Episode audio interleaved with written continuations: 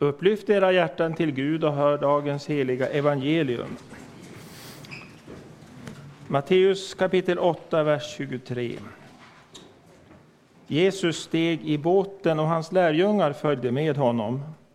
Då blåste det upp till full storm på sjön, så att vågorna slog upp över båten, men han sov. Det kom då fram och väckte honom och sa, Herre, rädda oss, vi går under. Han sa till dem, varför är ni rädda? Så lite tro ni har. Sedan reste han sig och talade strängt till vindarna och sjön, och det blev alldeles stilla. Männen häpnade och sa, vem är han? Till och med vindarna och sjön lyder ju honom. Så lyder det heliga evangeliet. Lovad vare du, Kristus.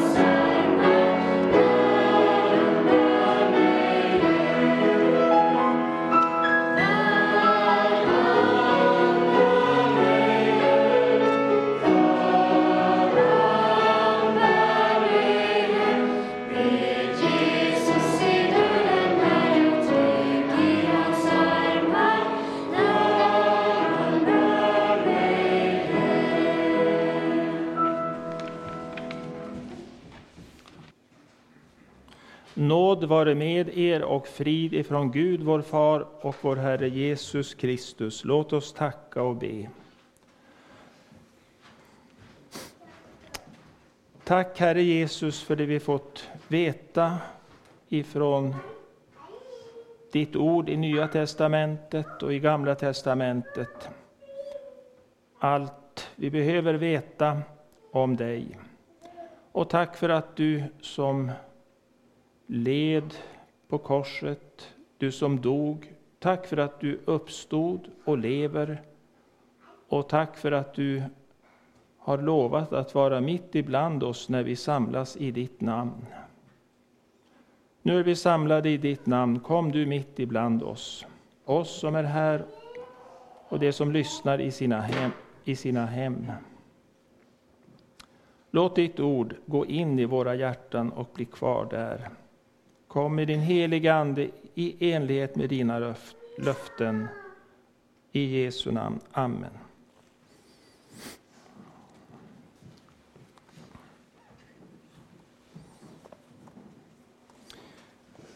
Evangelietexten som vi har läst är en ganska tidig text i Jesu liv, i Jesu offentliga verksamhet. Matteus evangelium har 28 kapitel och texten vi läste kom ifrån det åttonde kapitlet. Jesus han har blivit döpt av Johannes döparen i Jordan. Han har frestats av djävulen i öknen. Och så gick han tillbaka, står det, till Galileen för att predika. Han predikade som Johannes döparen, omvänd er, för himmelriket är nu nära. Och så kallar han lärjungar, och de första han kallade det var Simon Petrus och hans bror Andreas. Och han gick omkring i Galileen och predikade. Han höll till vanligtvis i deras synagogor. Han predikade evangelium om riket. Och det är precis samma glada budskap, samma evangelium som alla som samlas för att lyssna till Guds ords predikan får höra idag, får höra fortfarande. Och det har gått drygt 2000 år sedan. Mycket förändras ju. Mycket förändras på kort tid, eller hur? Mycket förändras på ett år. Mycket förändras på tio år, om vi tänker tillbaka i vår situation och i världens situation. Och hur mycket har då inte ändrats på hundra år? Min far blev över hundra år innan han dog och han hade verkligen fått uppleva en förändring. Mycket förändras väldigt mycket på alla områden. Men det finns något som blir kvar oförändrat som det alltid har varit. Jesus säger himmel och jord ska förgås, men mina ord ska aldrig förgås. Det är det levande Gudsordet som aldrig förändras. Det som Jesus har sagt, det står fast. Och det som Gud har talat genom sina profeter och apostlar, det ändras heller aldrig. Jesus predikade, men vi läser också om hur han förbarmade sig över de sjuka. Du som är sjuk. Han förbarmade sig över de sjuka. Och det står mycket om det. Jesus, Guds son, han botade där ingen bot fanns, som vi har många exempel på. Han gjorde tecken och han gjorde under. Innan vår text, Matteus 8, så kommer då Jesu mäktiga bergspredikan. Där det står att då han hade avslutat sitt tal så var människorna mycket förvånade över hans undervisning. Ty han undervisade dem med auktoritet och inte som deras skriftlärde. Han lämnar berget och så går han med sina lärjungar tillbaka till sin hemstad Kapernaum. Och på vägen så förbarmar han sig över sjuka människor. Och han botar dem. Han botar en spetälsk. Han botar som vi vet en hednisk officers tjänare. Och han botar Petrus svärmor. Och det står om människor som var besatta av onda andar. Och Jesus botade. Han botade dem, han drev ut dem, och det är intressant att läsa. Han drev ut dem med ett ord. Och så vår text. Jesus steg i båten och hans lärjungar följde med honom. Då blåste det upp till full storm på sjön så att vågorna slog över båten, men han sov. Det kom då fram och väckte honom och sa, Herre, rädda oss, vi går under. Han sa till dem, varför är ni rädda? Så lite tro ni har. Sedan reste han sig och talade strängt till vindarna och sjön, och det blev alldeles stilla.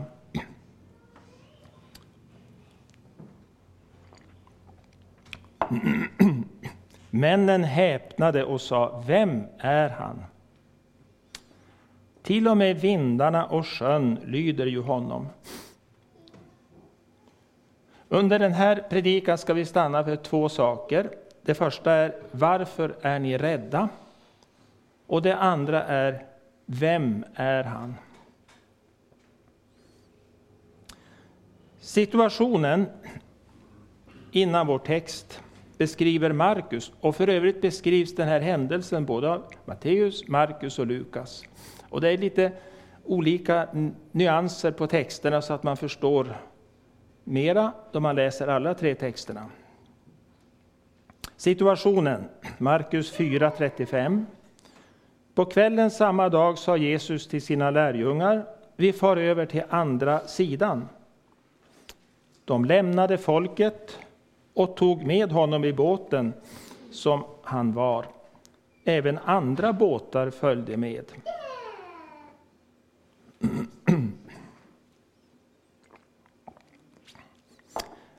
Bo Giertz han skriver så här, apropå sjön.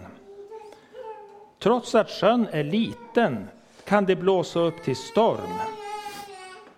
Galileiska sjön ligger 200 meter under havsytan. Från dess stränder ser man berget Hermon uppe i norr. Det är 2700 meter högt.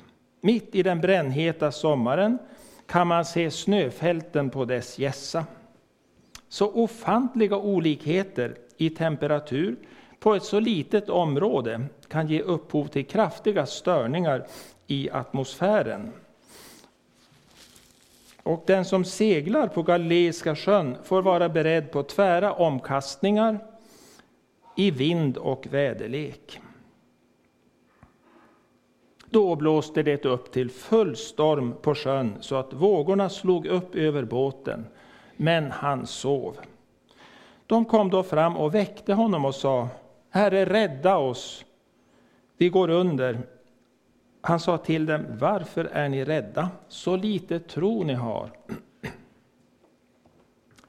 Lärjungarna, fiskare, de var ju van Galileiska sjön. Och när de blev så här rädda så var de utan tvekan i livsfara. De hade ju säkert varit med om höga vågor på sjön tidigare. Och vi ser framför oss på den tiden knappast flytvästar. Nej, de blev nog inte rädda i första taget. Och Markus skriver 4.37. Då kom en stark stormvind och vågorna slog in i båten så att den höll på att fyllas. Själv låg han i akten på en dyna och sov. Men nu såg lärjungarna bara döden framför sig. De var fyllda av ångest, det man kan kalla realångest, alltså en verklig konkret situation som innebär dödsfara. Och Jesus märkte ingenting för han låg och sov. Lärjungarna var tillsammans med Jesus i båten. Initiativtagaren till den här seglatsen, det var ju Jesus. Det var inte lärjungarna som kom med initiativet. Och, han, och Jesus säger, vi far över till andra sidan av sjön. Men Jesus som Guds son visste ju att det skulle bli en kraftig storm.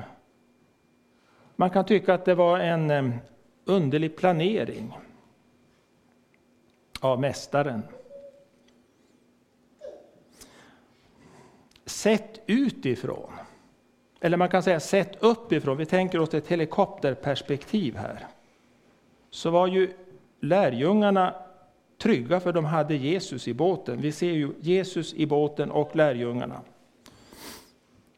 Egentligen så var ju läget stiltje eftersom de hade Jesus i båten. Alltså det spelade ju ingen roll ifall det stormade eller var lugnt eftersom Jesus fanns där. Och även om de inte hade haft Jesu person med sig i båten, för vi tänker på de här andra båtarna som också får ut. Så Gud fanns ju med dem. Även om Jesus inte fysiskt fanns med, ungefär som för oss. Jesus är ju inte fysiskt synlig bland oss, men han är ändå med oss. Så sett med trons ögon, sett uppifrån, så var det egentligen ingen skillnad för Gud om det blåste eller var stilla. För Gud ingriper när någon åkallar honom i nöden. Åkall mig, åkalla mig i nöden så vill jag hjälpa dig och du ska prisa mig, står det. Och det står också i Jesaja 63, vers 9. I all deras nöd var ingen verklig nöd. Hans ansiktes ängel frälste dem. Hans ansiktes ängel syftar på Jesus. Du och jag, vi blir också rädda. Vi måste vara ärliga, vi blir ofta rädda. Vi blir rädda för faktiska faror och vi blir rädda för faror som skulle kunna inträffa och vi blir rädda fast det inte alls finns någon fara, utan det är på något sätt som rädslan kommer inifrån ändå. Men vi kan också hamna i verklig livsfara. Det gör våra trossyskon i Ukraina till exempel, och det kan vi göra på vägen härifrån. I bilen. Verklig trygghet, var finns det? Ja, det finns inte i lugnt väder. Det finns heller inte i flytvästar, i säkerhetsanordningar, i försäkringar. Det finns heller inte i ett rättssamhälle som vi har nåden att leva i, ett demokratiskt samhälle. Där finns inte verklig trygghet heller. Inte ens om landet har goda levnadsvillkor som vi har. Det finns inte verklig trygghet, säger Bibeln. Verklig trygghet finns i lärjungaskapet hos Jesus. Den ogudaktige får ingen frid, står det. Ogudaktig i den meningen att man inte bryr sig om Gud. Men verklig trygghet får alla ogudaktiga i lärjungaskapet hos Jesus. Vi behöver inte vara rädda, egentligen aldrig någon gång. Med Jesus i båt, med Jesus i hjärtat är jag trygg mitt i döden, sjöng vi. Varför det? Jo, det är därför att Jesus Kristus är dödens Herre och besegrare han är också livets Herre. Det är därför som vi får vara trygga, hur illa det än ser ut. Och hur illa det än kan bli, vilket det kan bli. Därför behöver vi en sån här temagudstjänst, Jesu makt att hjälpa. Jo, Jesus är livets Herre. Så har du honom till Herre så har du faktiskt livet självt. Han säger bland annat, Johannes 6, vers 40. Var och en som ser Sonen och tror på honom ska ha evigt liv, och jag ska låta honom uppstå på den yttersta dagen. Där har du löftet. Du och jag som är Jesu lärjungar behöver inte vara rädda, faktiskt inte för någonting. Därför att det finns ingenting här på jorden som kan ta Jesus ifrån dig. Men vi har skäl att vara rädda för att Jesus inte finns med i vårt liv, i vår båt och i vårt hjärta. Utransaka mig, Herre, känn mitt hjärta, pröva mig och känn mina tankar och se till om jag är stadd på en olycksväg och led mig på den eviga vägen.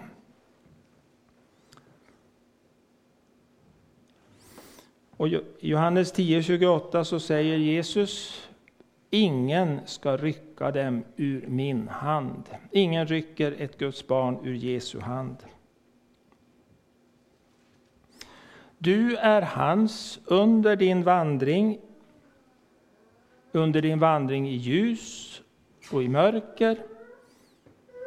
Och när han har bestämt det så kallar han dig till en värld där all nöd, allt mörker, all otro. Lärjungarna hade liten tro.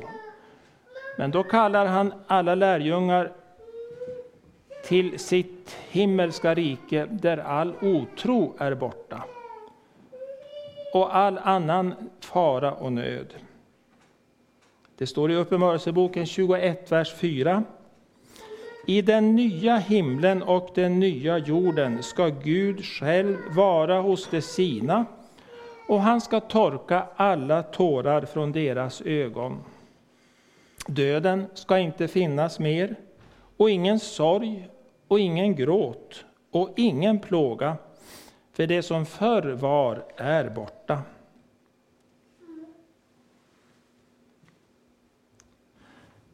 Åter till båten, stormen, vågorna, men han sov. Då kom de fram och väckte honom och sa, Herre, rädda oss, vi går under. Han sa till dem, varför är ni rädda, så lite tro ni har? Och i parallelltexten Markus 4 så säger han, varför är ni rädda, har ni fortfarande ingen tro? Problemet, för Jesus var problemet inte stormen och vattennivån som steg i båten, alltså inne i båten där vattennivån steg. Det var inte problemet. Problemet var att lärjungarna hade så liten tro. Tro, då tänker vi på att tro på Jesus som vår frälsare. Här handlar det faktiskt om att tro på Guds makt att hjälpa i kroppslig nöd. Om de hade satt all tro och lit till Gud så hade de sluppit att bli rädda.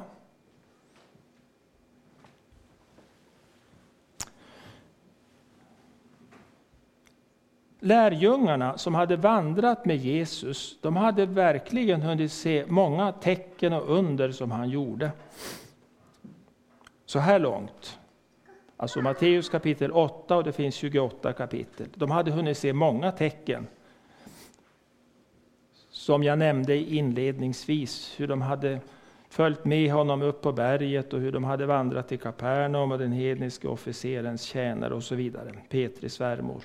De hade sett många tecken och under och kunnat se att här är det inte en människa utan här är det Gud själv. Men trots alla dessa tecken och under så hade de så lite tro.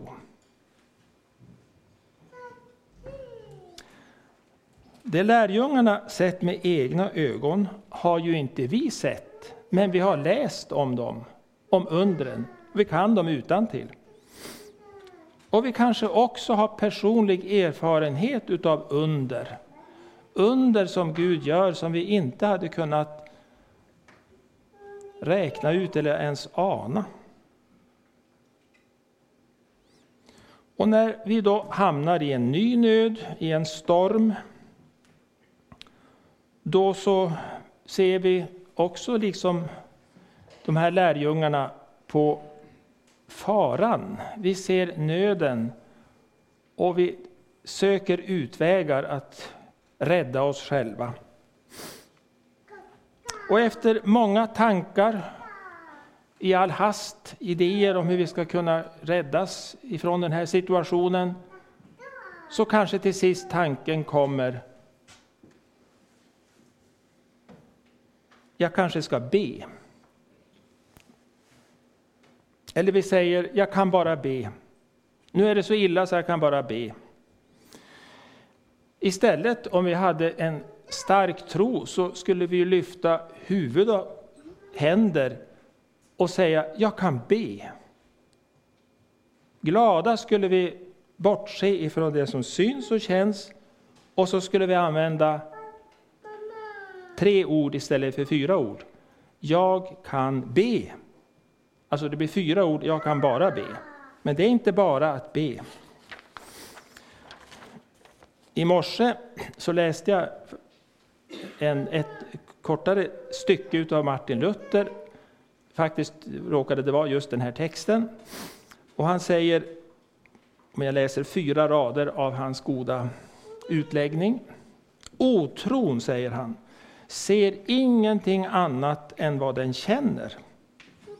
Liv och trygghet känner den inte, utan bara vågorna över skeppet och havet som hotar med död. Men hade där funnits tro, så hade den handlat helt annorlunda. Tron hade slagit vind och vågor ur tankarna och istället fäst blicken på vindens och stormens Gud, på hans makt och nåd.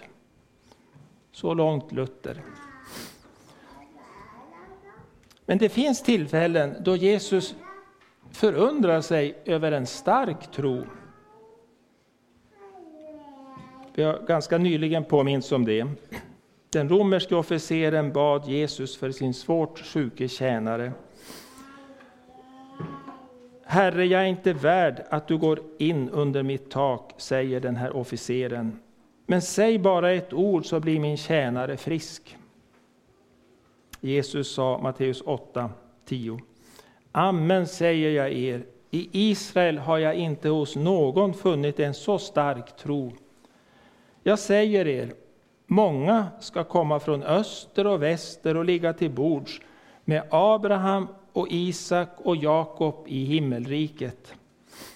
Det här ordet det skulle ju uppmuntra dig och mig till att våga gå ut med evangeliet utanför vår egen församling, utanför våra egna landgränser, ut till andra länder. För Jesus säger ju att många ska komma från öster och väster och ligga till bords med sitt folk, med Abraham och Isak och Jakob i himmelriket. Kanske tar människor i andra länder emot evangelium på ett förunderligt sätt. Medan kanske vi är trögare till att tro.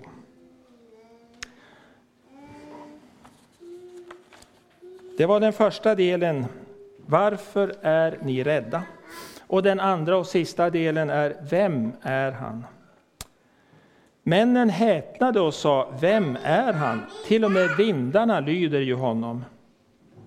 Och parallelltexten i Lukas 8, 25 så står det, förskräckta och förundrade sa de till varandra.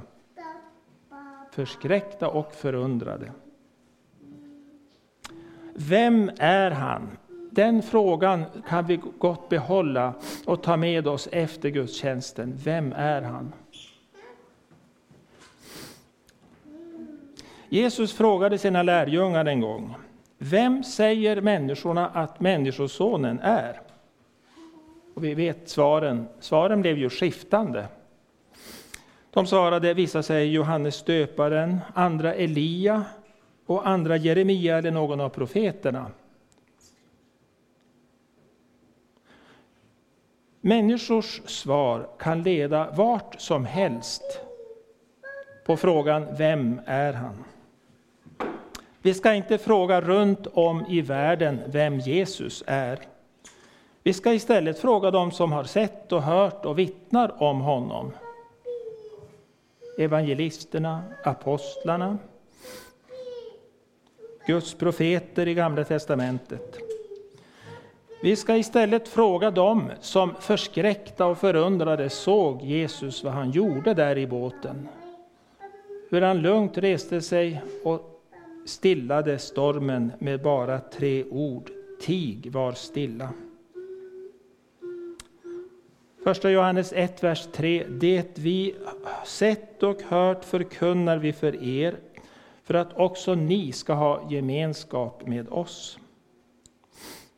Det vi har sett och hört. Nej, Jesus är inte en god person, en profet, vilken som helst. Och han frågade dem, och ni, vem säger ni att jag är? Simon Petrus svarade, du är Messias, den levande Gudens son.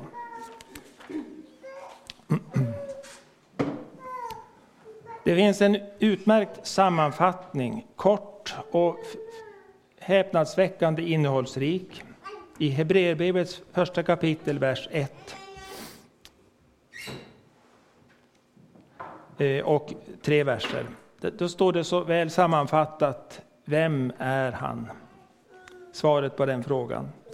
I forna tider talade Gud många gånger och på många sätt till fäderna genom profeterna.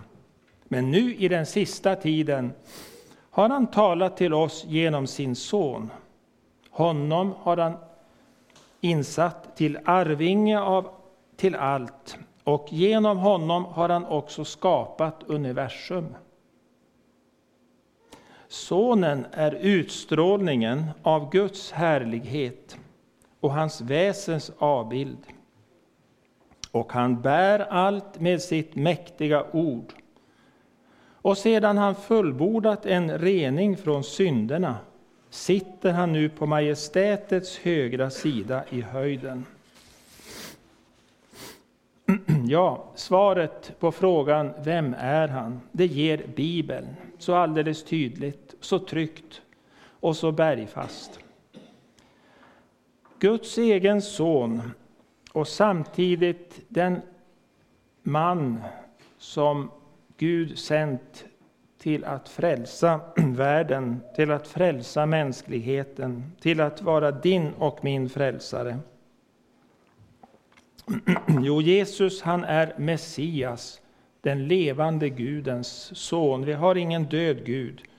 Vi har ingen död frälsare, utan vi har en levande Gud som uppehåller ditt liv, din, dina celler, så att du kan sitta här eller i ditt hem och lyssna. Den levande Gudens son och vår frälsare, den utlovade Messias. Har du upptäckt vem Jesus är? Har du förskräckts och förundrats? Och har du det, så kommer det i så fall inte av din egen uträkningsförmåga. Det kommer ifrån Jesus själv som skapar tron på det du hör. Jesus skapar tron på det vi läser och det vi hör och han lovar sin heliga Ande till alla som öppnar Bibeln. Det behöver muslimer få höra. När man bara slår upp i all hast, vad är islam? Vad säger islam om Jesus? Så är ett svar, Jesus eller Isa, som det står i Koranen, Isa, förekommer en hel del i Koranen. Koranen ger ett bestämt besked om att Jesus inte var Guds son och människornas frälsare. Men Isa var trots det en mycket betydelsefull profet, även om Muhammed var en ännu större profet. Islam behöver nås av evangeliet om Jesus, Messias, den levande Gudens son. Och till det kan du hjälpa i kollekter, i bön eller att gå. Judar behöver höra vem Jesus är. Varför det? Jo, svarar samma enkla klick på Google. Judarna tror inte att Jesus var Messias, med undantag för den grupp som kallar sig Messias-troende judar. Jesus är Messias, den levande Gudens son, säger Bibeln. Vi ska avsluta med de här två frågorna. Varför är ni rädda? Och det är ju ett citat av Jesus. Och den andra frågan, vem är han? Och det är ju ett citat av lärjungarna. Och så ska vi låta faktiskt gammaltestamentliga texten svara på de här två frågorna. För att den gammaltestamentliga texten är märkvärdigt lik evangelietexten. Så jag avslutar med att läsa Jesaja 40, vers 26 och hela GT-texten. Lyft blicken mot höjden och se, vem har skapat allt detta? Det är han som för fram härskaran där uppe i räknade skaror. Med sin stora makt och sin väldiga kraft nämner han dem alla vid namn. Ingen enda uteblir. Hur kan du, Jakob, säga, du Israel påstå, min väg är dold för Herren. Gud bryr sig inte om min rätt. Vet du inte, har du inte hört att Herren är en evig Gud som har skapat jordens ändar? Han blir inte trött och mattas inte. Hans förstånd kan inte utforskas. Han ger den trötte kraft och ökar den maktlöses styrka. Ynglingar kan bli trötta och ge upp, och unga män kan falla. Men det som hoppas på Herren får ny kraft. Det lyfter med vingar som örnar. De springer utan att mattas. De vandrar utan att bli trötta. Amen.